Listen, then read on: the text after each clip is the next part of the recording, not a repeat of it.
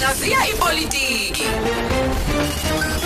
Hlaziya ipolitiki. Siyakubingelela, siyakwemukela okhosini FM ohlelweni Vuka Africa Breakfast Show. Baba Mtaka. abendlovu enamandla enhla nasezantsi siyabingelela dadewethu nethimba Mm.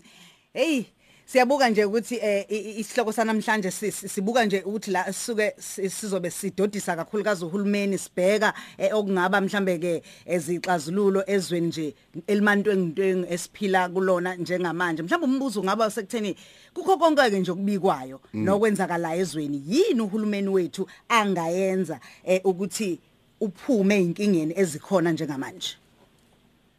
Dadewethu mhlawumbe kufanele siqale semdlalele ngokuthi njalo lolu hlelo sike sihlaziye siveze kakhulu lokho omunye umuntu angakubuka ukuthi zinkinga. Kuwumbono wethu ke ukuthi ake noma kanye ngenyanga noma kabili emva kwenyanga embili qhamuke nesihloko la khona sidodisa khona uhulumeni. Ukuthi ke yebo ke sekukhona okukhalwa ngakho kodwa cabanga ukuthi nakho kungenziwa. Na umphakathi abalaleli eh basithinta ukusho ukuthi hayi bona bacabanga ukuthi nasi isixazululo. Lokhu umqoka ngoba ubungozi bokudedela noma ukuyekela osopolitiki kube yibona abaqhamuka nenxazululo kuphela. Uzoba nenkinga yokuthi uma bengasenazo izwe liyabhubha njengoba ngisho nje eh kunenkinga eqinile elibusayo kunenkinga ngisho emaqembini aphikisayo. Uma kunjalo kuzothini ingakho sithi ke ake nathi njengezakhamuzi siqale sibe ingxenye yesixazululo. Okokuqala ngizophinde ngaye ngakusho uma ngidodisa uhulumeni wakithi ukuthi into yokuqala emqoka ukuxhumana ngokweqiniso. Eh bukhona ubufakazi bokuthi iqembu noma uhulumeni okhuluma nezakhamizi ngokweqiniso ayinika isithombe siphelele uyaqhela ezinkingeni ezinkingeni zani na? Ezinkingeni zokulangazelela ngoba umphakathi uma ulokutshena into engekho uthi kuzonzeka ukuthi ngonyaka ozayo uyalangazelela uthi ningasenzeki bese kuyaxatshana. Kodwa umutshela nje ukuqala eh usuke wazi kube ukuthi ke uphatheka kabi kodwa usuke wazi. Isibonelo nje ake batshena abantu ukuthi lelizwe linamali ngoba uma uqale nje wayilungisa lapho ukuthi bakithi lokho esasikuhlelile le-NDP ngeke kusenzeka ngalendlela esasihlele ngayo ngoba imali kulelizwe ayikho. Sikweleta abantu laba eh bemjovo lezo fika nje ubuzwa kuthiwa ngiyafika njalo ngimsomluko hayi abafiki bakithi.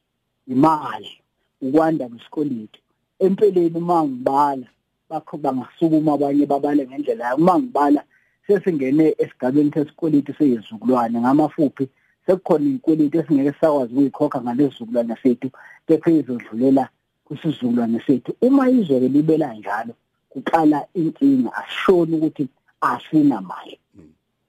Abakusho kodwa uyakubona isibonelo mubuka bonke laba ominyango ekade ikhuluma ngokwaba kwezimali eh isabelo mali uyabona kwehle ngisho eminyangweni wezempilo. Umubuka nje kokwaZulu Natal nakwezinye indawo imali ehlile ngoba imali ayikho. Yini uhulumeni angathi cha bakithi ningezwa ngabantu noma nisokusimtashisela ayithi imali khona into engeke senzeke. Bazi bayashuhlwa lezinto engeke zenzeke. Khona sogwinya singaxabani. Okwesibili lelizwe kuthiwa inenkinga kusolakela amakhono.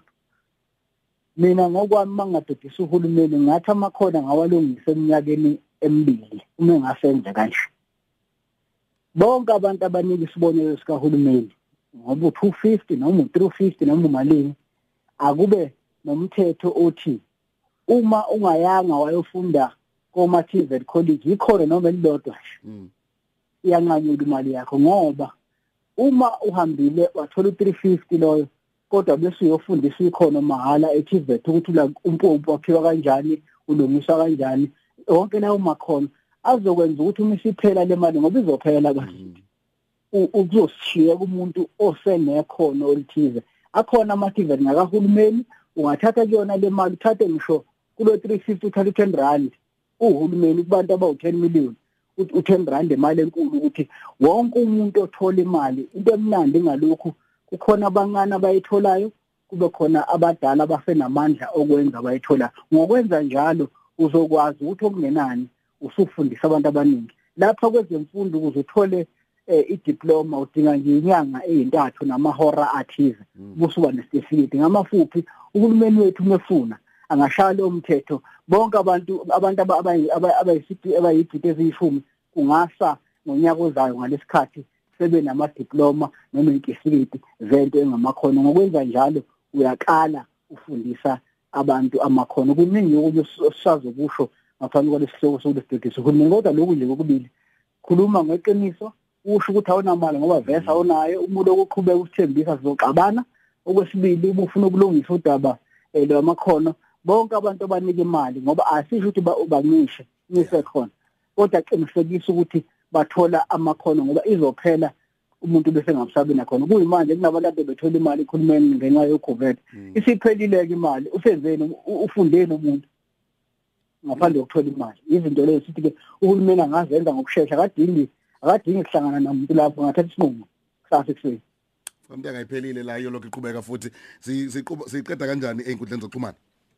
Sizoqhubeka eh ku Twitter @inhlanhla mntaka ku Facebook ibayede news sike sixoxe nabalaleli siyacela baqhamuke nezixazululo ngoba ake ake sime manje. Siyavuma kumantontweni konakele yonke indawo. Asiqhamuke nezixazululo nohulumeni akasinike ithuba ke siwudodile. Hlaziya ipolitiki. Hlaziya ipolitiki.